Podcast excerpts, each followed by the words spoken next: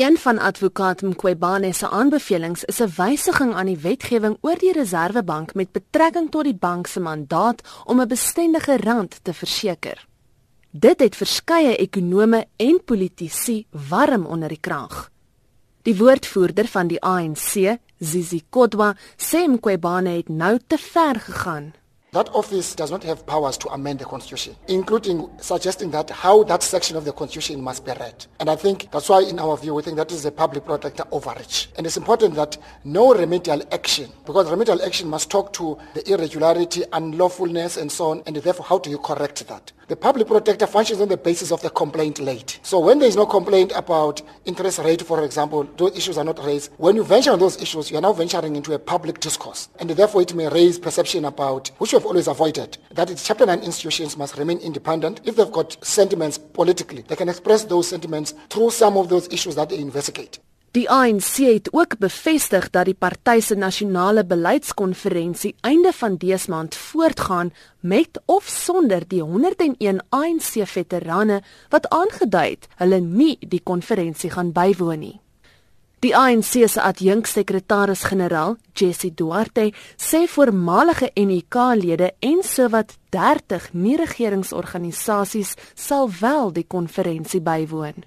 We'd offered the 101 two days attached to our policy conference to raise the issues that they wanted to raise. They have declined. It's not us who called it off. I think we must correct that. They declined to participate with our branches in a discussion. We felt we were obliged to continue with the debate and the discussion. So we've kept the two days where there will be very robust discussion about the challenges facing our organization. And we've invited former NEC members, business people, churches, trade union movements, and NGOs as well. There are 37 NGOs that are actually going to be attending. Duarte sê daar is minstens 10 dokumente wat tydens die 5 dae lange konferensie bespreek gaan word.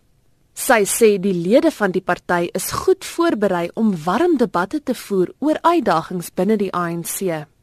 We've prepared our delegates very well, I must tell you. People have been having political discussions in branches, in regions, in provinces, robustly so. No holds barred. It's an open meeting where we will be discussing the challenges facing the ANC, but productively so, and looking for solutions to those specific issues that people have also raised with us. And I reiterate gatekeeping, use of money, the policy effectiveness of the ANC. Where do we want to go with this organization? Our strategy and tactics will guide us in this regard. And we've looked at organization renewal. What do we want to get out of it? Intussen het die studentebeweging SASCO gesê hulle sal hul stem dik maak by die beleidskonferensie.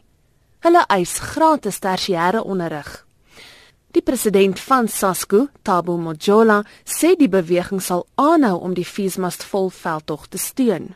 As we go to this policy conference, we are not going to be deterred. Our message is clear. We don't accept Sizwe's model. We want the ANC to come with the model. We don't accept anything outside the implementation of free education in 2018. You postponed in 2014. You can't say you'll do it in 2020 because nobody says you'll be leading in 2020. Here in Joburg, we have seen how people thought that the ANC will lead forever. Did not happen. So we are saying we are leading now. You must implement this call now in your leadership.